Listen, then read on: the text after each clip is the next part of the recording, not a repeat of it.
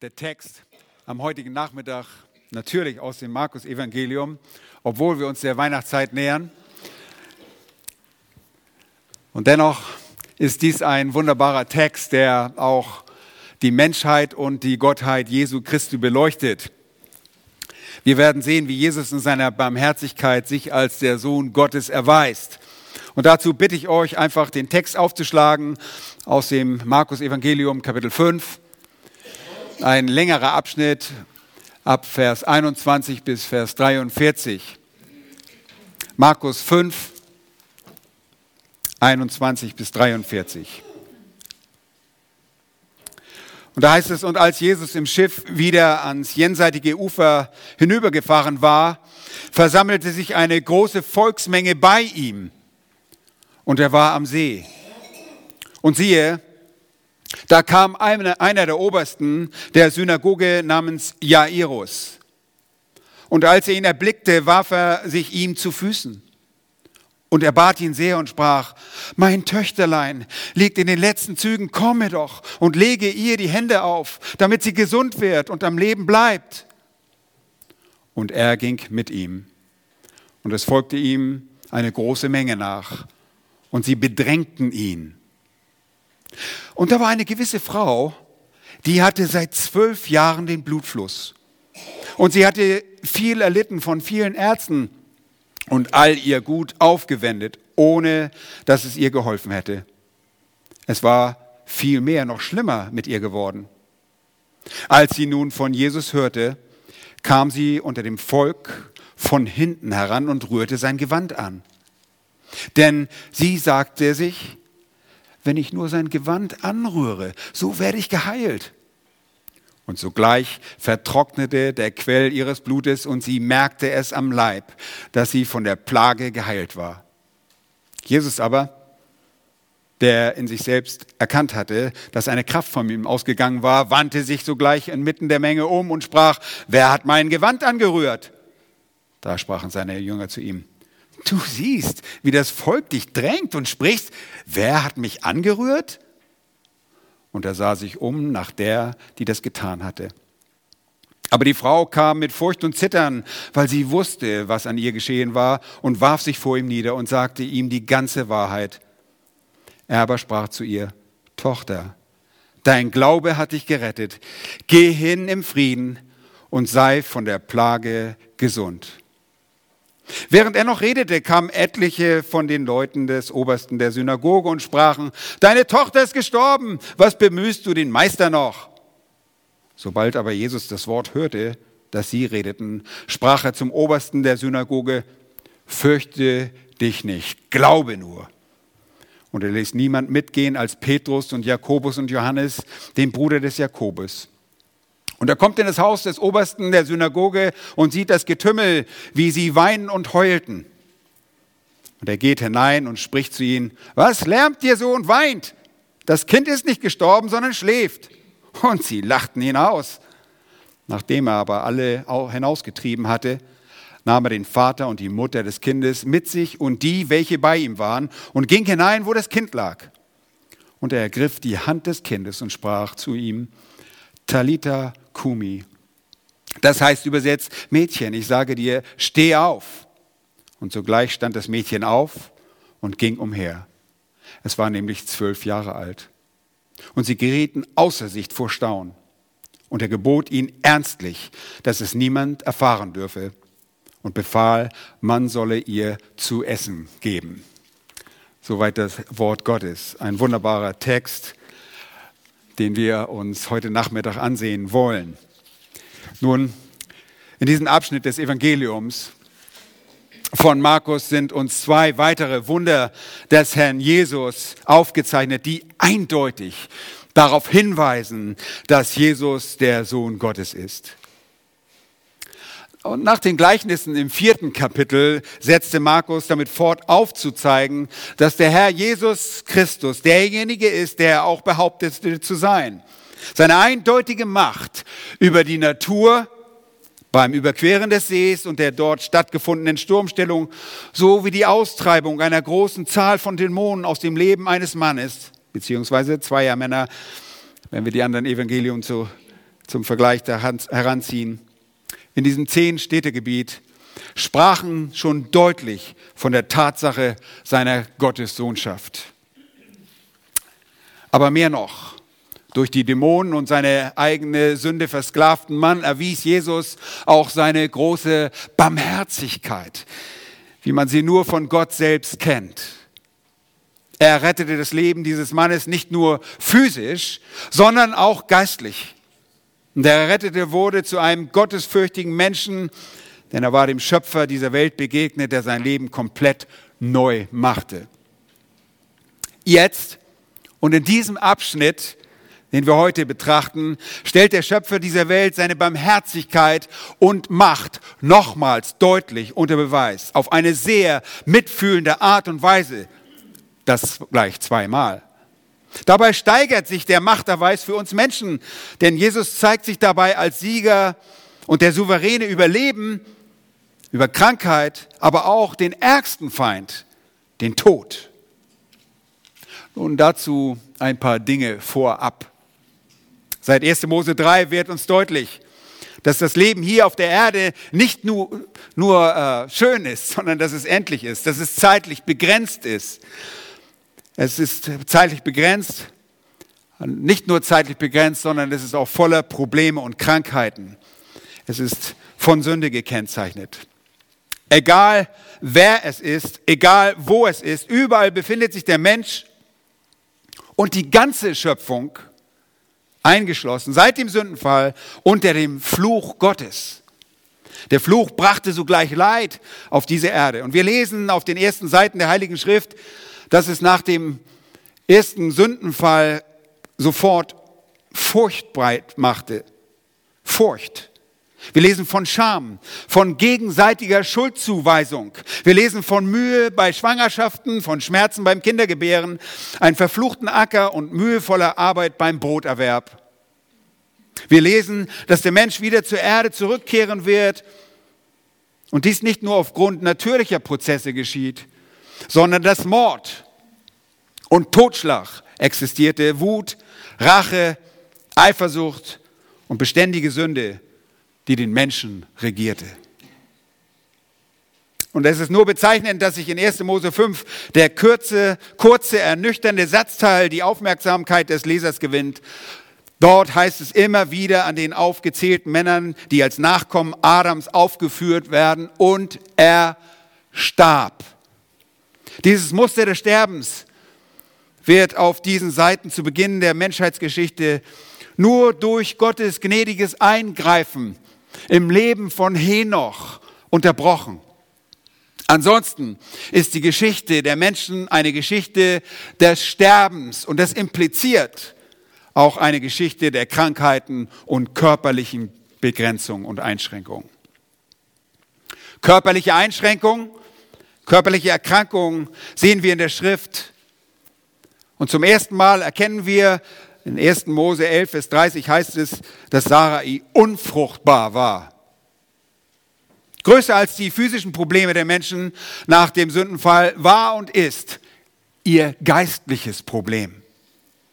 Sie waren und sind fortan beim Eintreten in diese physische Welt, wir sagen das so oft, geistliche Totgeburten. Der Mensch ist ohne Gott und löst sich von, all seinen Anwe von allen Anweisungen Gottes er ist ohne Gott und wird ohne Gott sterben. Das sehen wir sehr ganz klar verdeutlicht in dem Leben von Kain. Und der Schreiber des Hebräerbriefes macht deutlich, dass es nur möglich ist, Gott durch Glauben zu gefallen. Durch Glauben brachte Abel ein besseres Opfer als Kain. Es wird gesagt in Hebräer 11, Vers 5, durch Glauben wurde Henoch entrückt, so dass er den Tod nicht sah und er wurde nicht mehr gefunden, weil Gott ihn entrückt hatte. Denn vor seiner Entrückung wurde ihm das Zeugnis gegeben, dass er Gott wohlgefallen hatte. Und dann heißt es in Vers 6 im Kapitel 11 des Hebräerbriefes, ohne Glauben aber ist es unmöglich, ihm wohl zu gefallen. Denn wer zu Gott kommt, muss glauben, dass er ist und dass er die belohnen wird, welche ihn suchen. Nun, heute Nachmittag werden wir uns von zwei glaubenden Personen hören, die genau auf diese Art und Weise im Glauben zu Jesus kommen. Und ich sage es euch gleich, diese Heilungen, die, die dort stattfinden, diese Rettung von Tod und von Krankheit sind nicht unbedingt normativ. Sie sind da, dass Gott sich, der Sohn Gottes, als Sohn Gottes erweist. Dass er zeigt, wer er ist. Der Fluch, der über diese Welt gekommen ist, ist auch von uns Christen im physischen nicht abgewendet worden. Und wir werden sterben, wie auch der gottlose Mensch sterben wird, aber unser Tod ist kein Tod, sondern ein Eintritt in das ewige Reich des Vaters, des Sohnes und des Heiligen Geistes. Nun, Johannes Markus, der Verfasser des Evangeliums, lag es sehr am Herzen zu beweisen, dass Jesus der Sohn Gottes war und ist. Und so erwählte er unter der Leitung des Heiligen Geistes diese beiden Ereignisse und steckt sie zusammen, aber sie sind auch zusammen geschehen. Es ist ein kleiner Unterbruch dort. Es ist wie ein Sandwich. In der Mitte gibt es eine Geschichte und außen rundherum eine Geschichte, die sich vervollständigt in zwei Teilen. Wir sehen in diesem Abschnitt, wie sich Jesus in seiner Barmherzigkeit als Sohn Gottes erweist. Er erweist sich dem Glaubenden als barmherziger Retter zum einen vom, äh, vom Tod und das ist zum einen vom physischen Tod und zum anderen vom geistlichen Tod. Nun, wir wollen uns die Geschichte hier mal genauer vor Augen führen. Nachdem Jesus zurückgekommen ist vom Ostufer des See Genezareth, kommt er zurück und die Menge erwartet ihn sehr freudig. Sie sind bereit, sie wissen, oh, unser Wunderheiler kommt wieder. Jesus war also gerade aus dem Zehnstädtegebiet zurückgekehrt und ein Mann namens Jairus scheint auf der, scheint auf der Bildfläche. Er ist einer der Obersten der Synagoge, heißt es in der Schlachter 2000 Übersetzung. Das heißt, er ist der Archisynagog, was aus dem griechischen Wort Archisynagogos kommt und auch als Synagogenvorsteher übersetzt werden kann. Ein solcher Mann das konnte nur ein Mann werden, wurde aus den vornehmsten und angesehensten Männern der Gemeinde gewählt.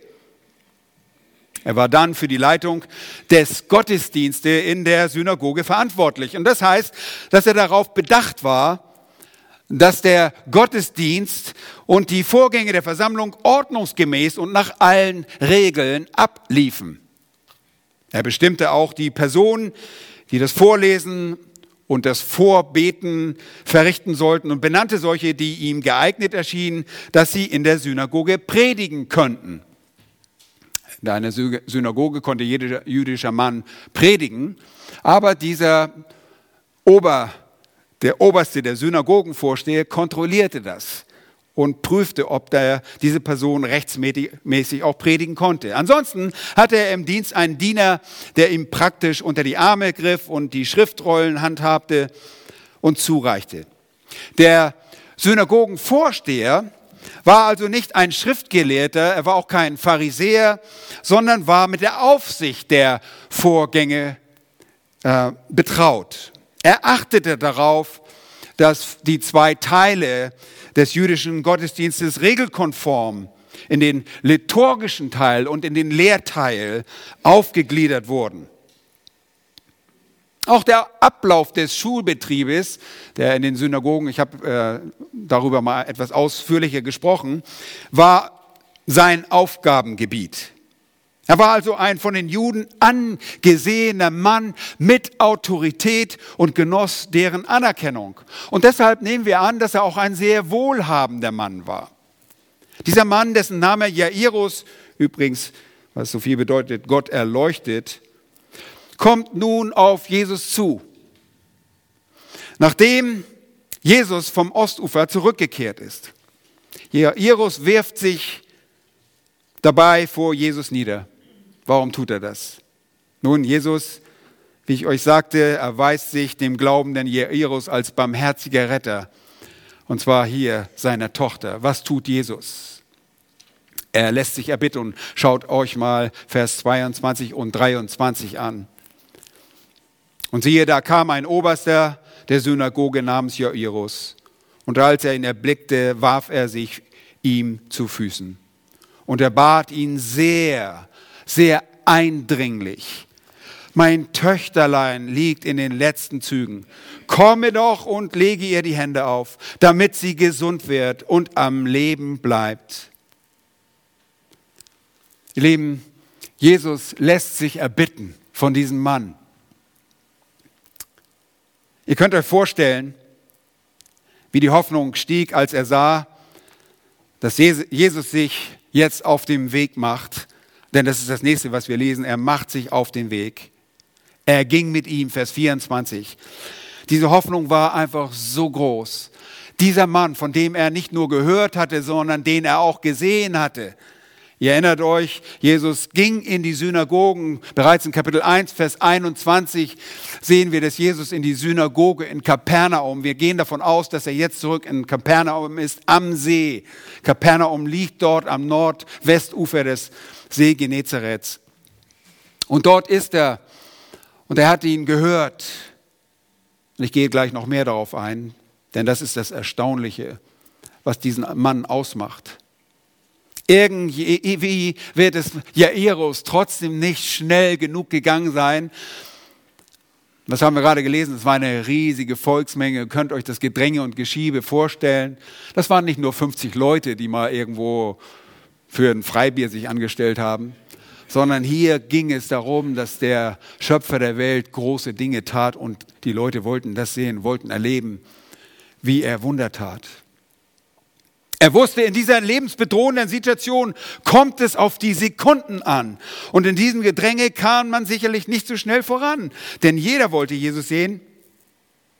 Nun, Jesus scheint hier sich nicht aus der Ruhe bringen zu lassen. Wir lesen nicht, dass Jesus losstürmt, seine Sprinterschuhe anzieht und sagt, jetzt geht's aber los und hier und alle aus dem Weg räumt mit seinen Bulldozer-Worten und alle platt macht, damit er schnell dort ankommt. Er geht ganz gewöhnlich los und wird sogar noch aufgehalten. Ich erinnere mich an meine ersten Einsetzung als Emergency Medical Responder. Wenn ich einen Notruf bekommen hatte auf dem Alaska Highway und äh, ich hörte ein Unfall, dann ist Borchmann losgestürmt, gelaufen wie verrückt weil mein Rettungswagen stand ungefähr 300 Meter von meinem Haus entfernt. Und eines, Mal, eines Winters, ich erinnere mich noch sehr gut daran, denn ich habe eine dicke Abfuhr gekriegt von der souveränen älteren Krankenschwester, die mich gesehen hat. Ich bin bei minus 40 Grad und tiefer wahrscheinlich noch gelaufen. Und ich habe eine Abfuhr gekriegt, weil ich, ich dachte, ich muss jetzt jede Sekunde gewinnen, damit ja nicht der Verletzte oder was immer los war, wegen mir stirbt, weil ich so langsam bin. Nun, wenn man so in minus 40 Grad Temperaturen läuft, kann man seine eigenen Lungen kaputt machen. Das heißt, die Lungenbläschen, diese kalte Luft einatmen und dabei noch läuft. Und ich habe eine dicke Abfuhr bekommen.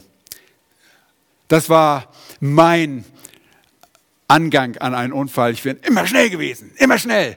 Und ich erinnere mich an so manche Male auch auf dem Rettungs, auf dem Weg ins Krankenhaus, 180 Kilometer auf gefahrener Eisdecke. Ich bin tausende von Kilometern auf geschlossener Eisdecke gefahren. Und es war immer ein, ein Spiel. Fahre ich noch ein bisschen schneller? Fahre ich ein bisschen, ist es sicher genug? Ist es nicht? Ich habe versucht, immer Gas zu geben. Nicht so Jesus. Jesus stand nicht in der Gefahr, in irgendeiner Gefahr, was zu verpassen. Er ging gemächlich los und er ging mit. Er stand nicht in der Gefahr, weder sich zu verletzen noch sonst irgendwas. Er blieb ruhig. Er konnte sich gemächlich auf den Weg machen und dabei sogar eine Unterbrechung in Kauf nehmen. Erstaunlich.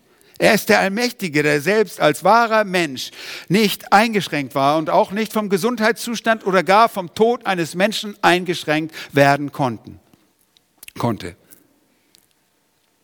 Nun, er der Retter vom Tod wird jetzt auf seinem Gang zu der Tochter des Jairus unterbrochen. Was geschieht? Nun, wir brauchen nur in den Text hineinzuschauen, dann sehen wir, was geschieht. Obwohl äh, das einige Leute irgendwie anders interpretieren, was dort steht, wir nehmen diese Dinge wörtlich. Und es gibt ein paar Leute im vierten Jahrhundert, gibt es einen sogenannten Ambrosius. Und der hat gesagt, ja, ich werde das mal allegorisch auslegen. Und zwar in einer allegorisch antithetischen, einer gegensätzlichen Deutung äh, liefert Ambrosius von Mailand eine interessante Beobachtung in seinem Lukas-Kommentar. Die sterbende Tochter wird mit der untergehenden Synagoge gleichgesetzt, um deren Heil Jairus fleht. Als Synagogenvorsteher repräsentiert er das Gesetz, die blutflüssige Frau, die jetzt ins Bild kommt und von der wir schon gelesen haben, dagegen die Heidenkirche, die das Heil vorweg an sich reißt. Für die beiden Frauengestalten wird anhand der Zwölfzahl, die sind nämlich, die eine ist zwölf Jahre alt und die andere hatte seit zwölf Jahren ihren Blutfluss, da entsteht eine unerbittliche Rivalität, eine, eine, eine Feindschaft. Die zwölf Jahre währende Leidensgeschichte der blutflüssigen Frau bedeutet angesichts der zwölfjährigen Jairus-Tochter, dass die Kirche, solange es der Synagoge gut ging, da niederlag die Nachricht von der Erkrankung der Tochter gleich des Judenvolkes, Erkrankung des Judenvolkes wird so zur Hoffnungsbotschaft für die Frau, sprich der Kirche. Die Schwache der einen ist die Stärke der anderen. Zwar lässt die schließliche Auferweckung der Tochter eine Chance auch für die Synagoge offen, aber im Unterschied zu sich rasch ausbreitenden Heidenkirche werden es nur allzu wenige von den vielen Juden sein, die zum Glauben finden. Nun, keine Angst, ich werde das nicht so auslegen. Wir nehmen diese Dinge wörtlich. Was geschieht? Nun, wir setzen fort in Vers 25 da war eine gewisse Frau, die hatte seit zwölf Jahren den Blutfluss. Nun, das ist eine Situation, die wir heute nicht kennen. Ihr könnt euch vorstellen, wie die Hoffnung stieg, als ähm, sie Jesus erblickte, diese Frau. Jesus äh, war für sie die einzige Hoffnung. Diese Frau hatte seit zwölf Jahren den Blutfluss. Bei dieser Krankheit handelt es sich nicht um irgendeine verlängerte Menstruation, äh, sondern es ist eine azyklische gynäkologische Erkrankung. Und es kann viele Ursachen gehabt haben. Es kann durch einen Tumor ausgelöst worden sein. Es handelt sich um eine Blutung, die äh, sie schwächte. Nun, Blutungen schwächen einen Menschen. Es kommt zu einer Anämie. Ähm, dadurch muss das äh, Herz mehr arbeiten. Weniger Blut im Kreislauf bedeutet härtere Arbeit für das Herz, denn im Blut wird Sauerstoff transportiert und dieser Sauerstoff kommt nicht mehr an, also muss das Herz ein bisschen mehr arbeiten. Wir können uns vorstellen, diese Frau war physisch einfach ein Wrack. Sie kommt und sie hatte das seit zwölf Jahren. In dem Moment, wo die Tochter von Jairus geboren wurde, da fing ihre Krankheit an. Und diese Frau hatte keine Hoffnung. Denn was hatte sie getan? Sie hatte das was getan, was ihr bisher möglich war. Sie ging zu den Ärzten, aber die Ärzte konnten nicht helfen, sie konnten sie nicht erleichtern.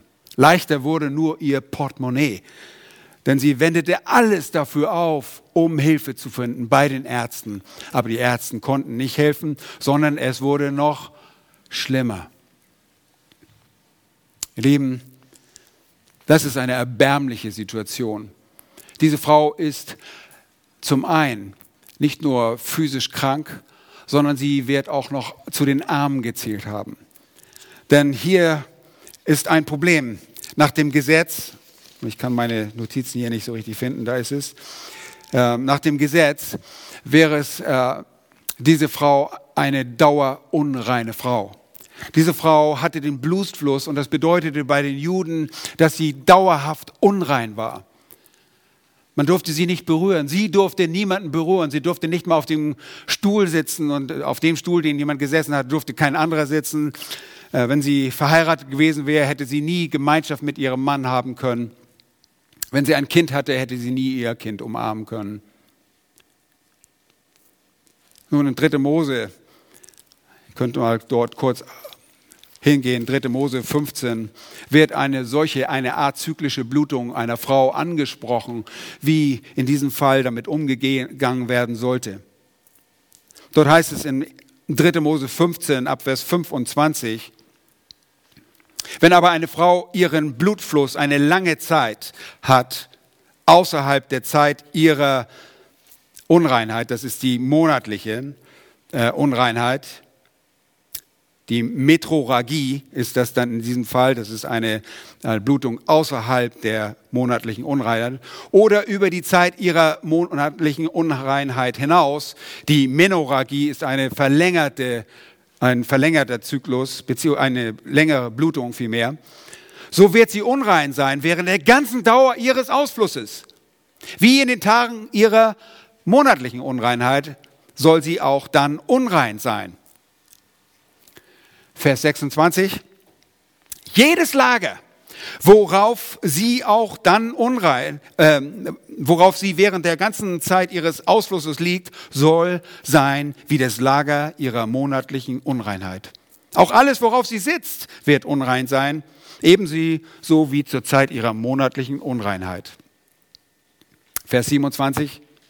Und jeder, der es anrührt, der wird unrein und soll seine Kleider waschen und sich im Wasser baden und er wird unrein sein bis zum Abend. Wird sie aber rein von ihrem Ausfluss, so soll sie sieben Tage lang zählen. Danach soll sie rein sein. Nun, diese Frau durfte niemanden anrühren. Sie konnte nicht einmal in die Synagoge. Denn das war auch verboten, um an den Gottesdiensten ihres Volkes teilzunehmen. Sie war im Prinzip wie eine Aussätzige, die von der Begegnung mit Menschen isoliert war sogar den eigenen Angehörigen. Ja, ich sagte, wenn sie verheiratet war, dann war sie sicherlich schon längst von ihrem Ehemann isoliert. Und zu all dem kam noch etwas dazu, eine quälende Frage. Eine quälende Frage, was habe ich nur getan, wegen welcher Sünde widerfährt mir dieses unsagbare Elend?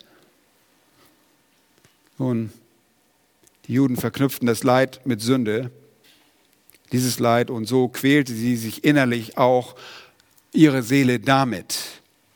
Und das tat sie nicht nur für ein paar Tage oder Wochen, nein, sie hatte diesen Blutfluss für ganze zwölf Jahre. Unfassbar. Nun, als die Tochter des Jairus geboren wurde, begann ihr Elend, ihre Dauerunreinheit. Und das ist für uns kaum zu ermessen. Ohne Familie und ohne Freunde wäre sie ein Fall für das Sozialamt gewesen.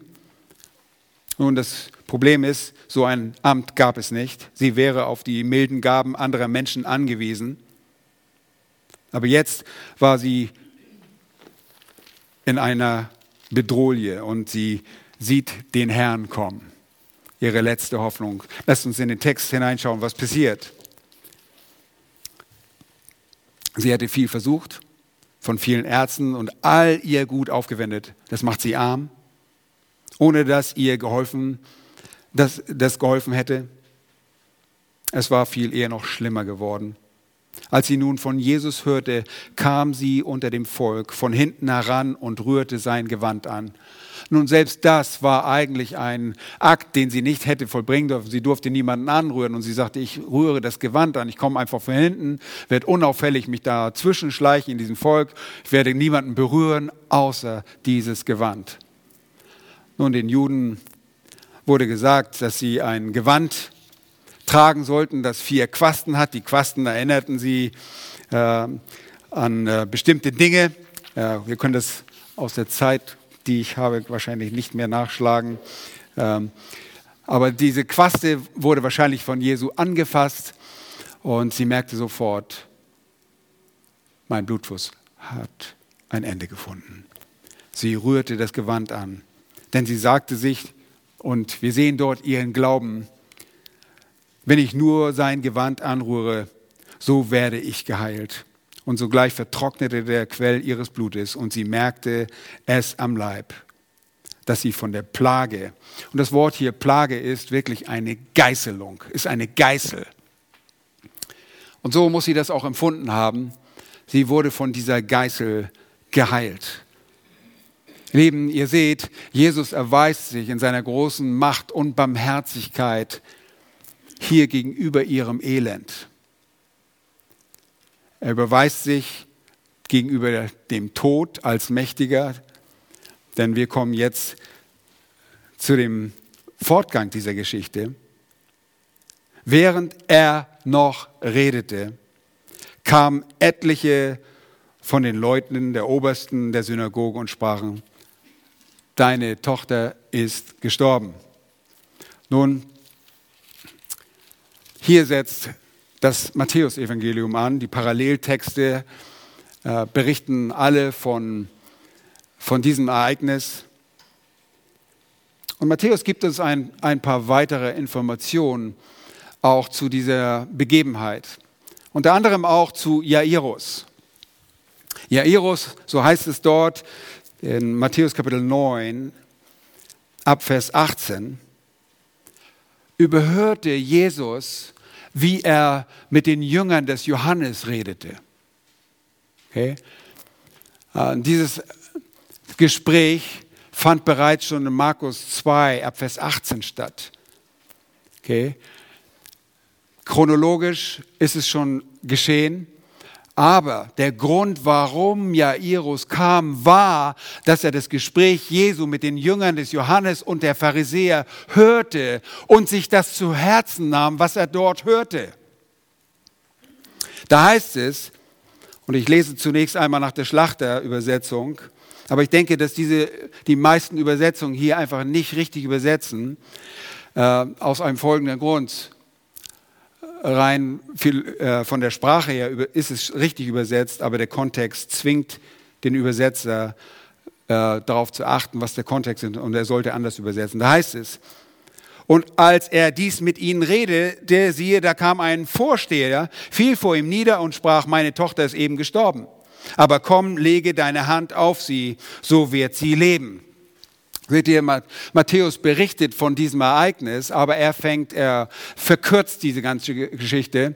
Wir sehen, dass äh, Jairus auch nachdem äh, die Tochter gestorben ist, nicht aufhört, den Herrn zu bitten.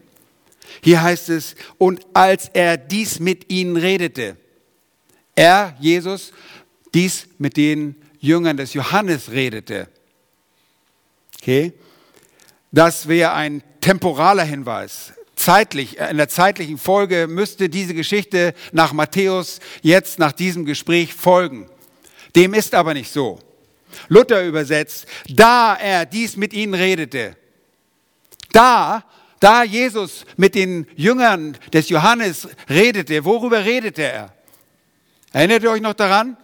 Die Jünger des Johannes kamen zu Jesus und auch die Jünger der Pharisäer kamen und fragten, warum fasten deine Jünger nicht?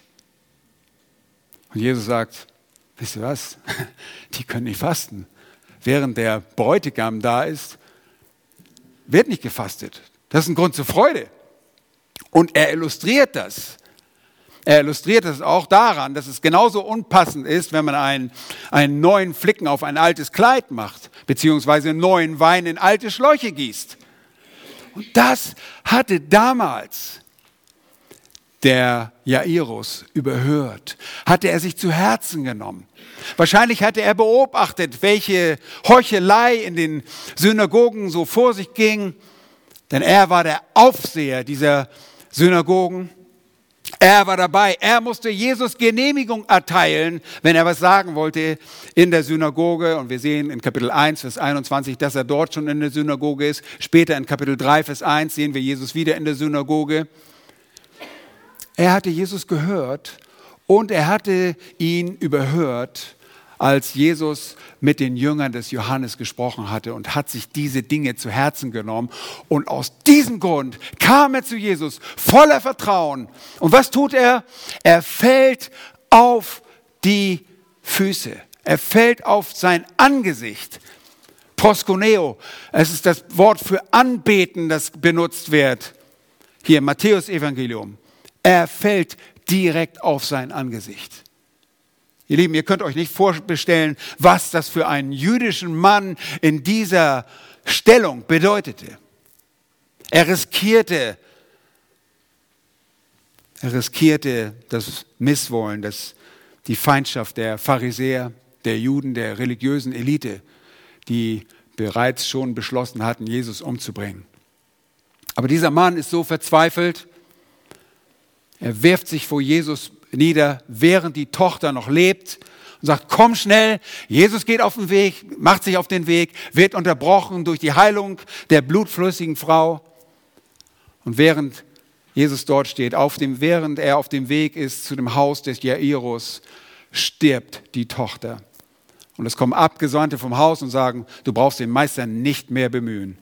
Matthäus zeigt uns jetzt auf, dass Jairus nicht aufhört, sondern er sagt, komm und lege deine Hand auf, so wird sie leben.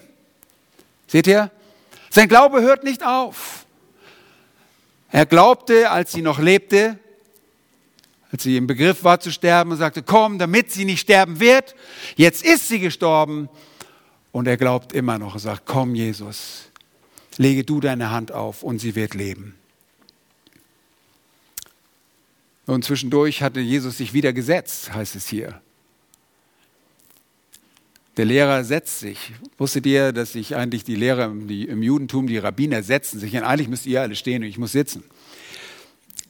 Jesus machte sich auf, er stand wieder auf, er setzte sich zwischendurch offensichtlich hin, während er mit dieser Frau sprach.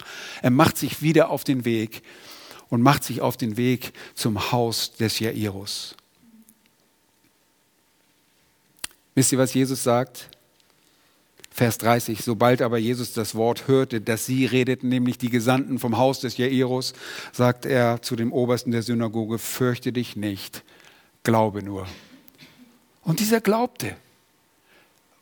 Unablässig bat er Jesus, komm du, wenn du kommst, dann wird meiner Tochter geholfen. Und diese zwölfjährige Tochter, die gerade im Begriff war, eine Frau zu werden, im Judentum werden sie ab zwölf zu wahren Frauen. Er sah sie immer noch als ein kleines Töchterlein ein. Und selbst Jesus, als Jesus kommt und dieses Mädchen auffordert, aufzustehen. Talita Kumi, das bedeutet eigentlich nur wie Lämmchen, steh auf. Ein kleiner Kosename. Steh auf. Nun, Jesus ließ niemanden mitgehen. Er ließ nur wen mitgehen? Hier steht es sehr deutlich, Petrus, Jakobus und Johannes, kennen wir das irgendwoher? Ja, das waren seine besonders vertrauten Jünger die in diesem engeren Kreis der ersten Gruppe mit Andreas waren.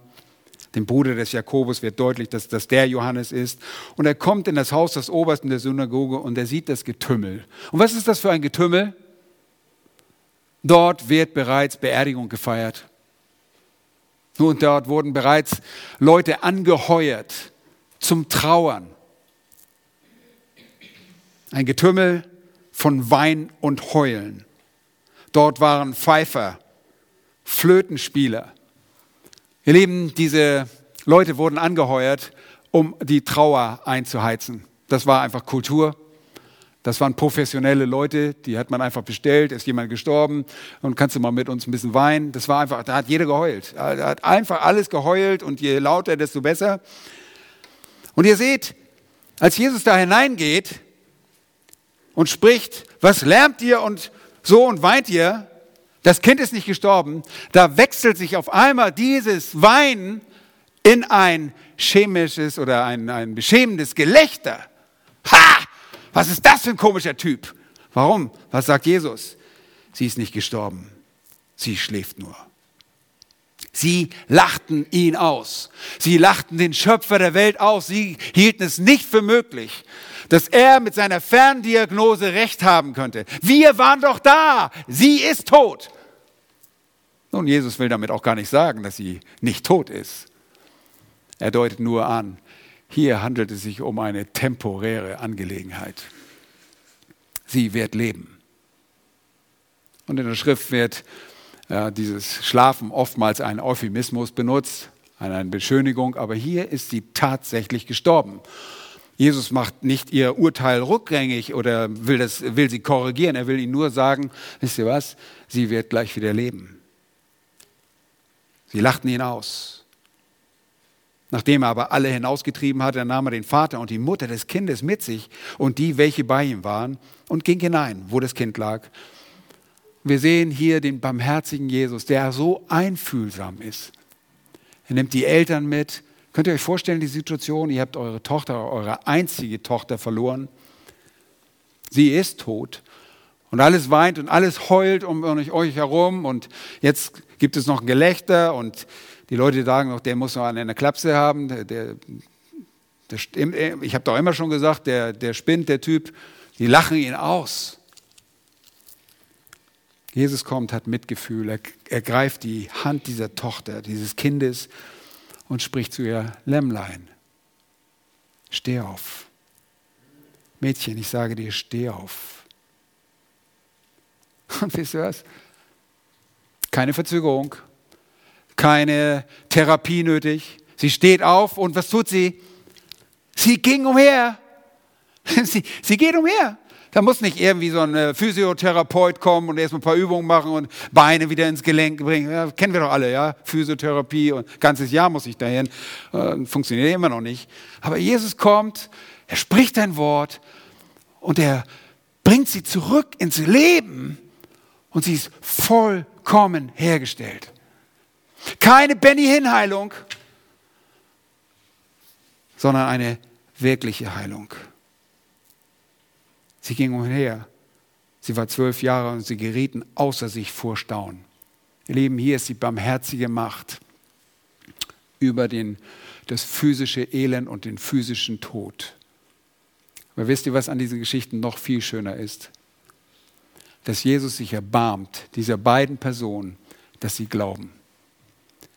Und er spricht zum einen zu der Frau, Tochter, der blutflüssigen Frau sagt er, Tochter, dein Glaube hat dich gerettet. Geh hin im Frieden. Der Mensch ist seit Anbeginn, seit dem Fluch, der über die Welt kam, in Feindschaft mit Gott.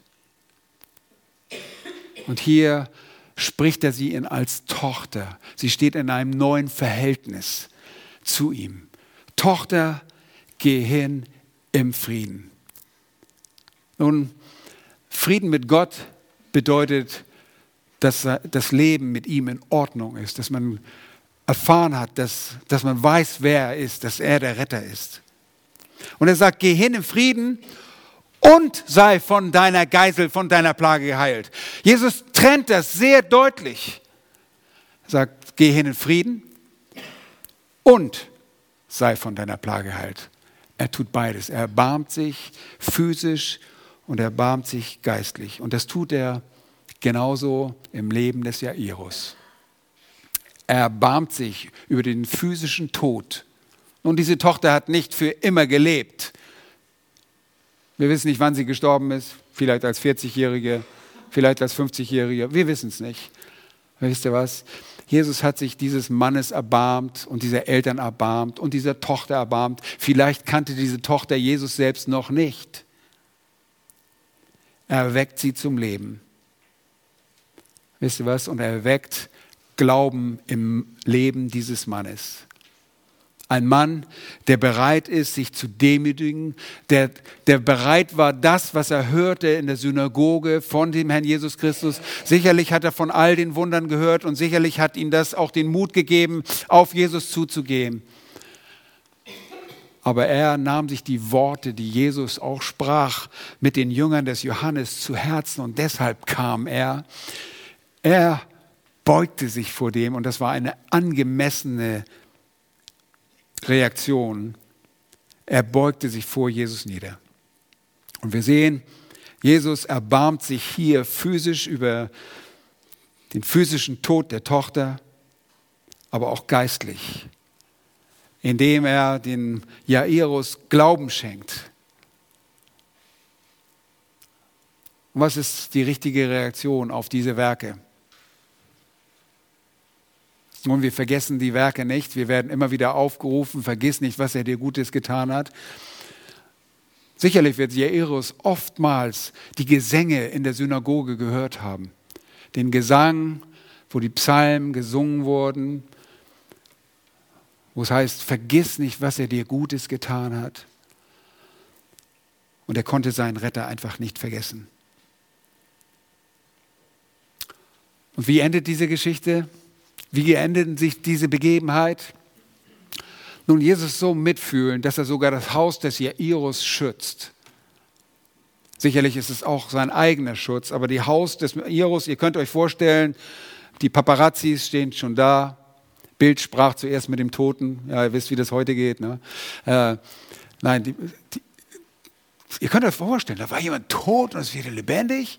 Das kann doch nicht wahr sein. Das müssen, ein Ansturm auf dieses Haus, das wollte Jesus vermeiden. Und er sagt in Vers 43, er gebot ihn ernstlich, dass es niemand erfahren dürfe und befahl, man solle ihr zu essen geben. Jesus ist so barmherzig. Er schützt dieses Haus, obwohl sich diese Geschichte sehr verbreitet, wie wir es aus anderen Evangelien erfahren. Aber er schützt dieses Haus.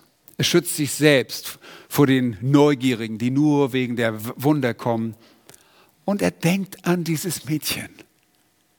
Wahrscheinlich lag dieses Mädchen schon mehrere Tage im Sterben, wir wissen es nicht, aber er sagt, man soll ihr zu essen geben. Das, das, ist nur, das ist Jesus. So ist unser Herr in seiner Barmherzigkeit. Er denkt auch an diese kleinen Dinge. Er ist so einfühlend so gnädig und so barmherzig. Wisst ihr was? Und hier sehen wir, wer Jesus wirklich ist. Im zweiten Buch Mose, ihr erinnert euch, Jesus, äh, Mose erscheint vor Jahwe Gott. In 2. Mose 34. Und Jahwe kommt und er stellt sich Mose vor und er sagt mit lauter Stimme, wer er ist. 2. Mose 34 heißt es, der Herr ging vor, dem, vor seinem Angesicht vorüber und rief, Jahwe, Jahwe, der starke Gott, der barmherzig und gnädig ist. Hier sehen wir Jesus, den starken Gott und den gnädigen, barmherzigen Gott. Er ist der Sohn Gottes. Jeder, der dies liest, weiß, hier handelt es sich nicht um einen normalen Menschen. Hier ist der wahre Gott und ihm allein gebührt die Ehre. Und das wollte Johannes Markus uns vorstellen, uns zeigen. Das ist sein Anliegen. Er zeigt das, den Anfang des Evangeliums vom Sohn Gottes.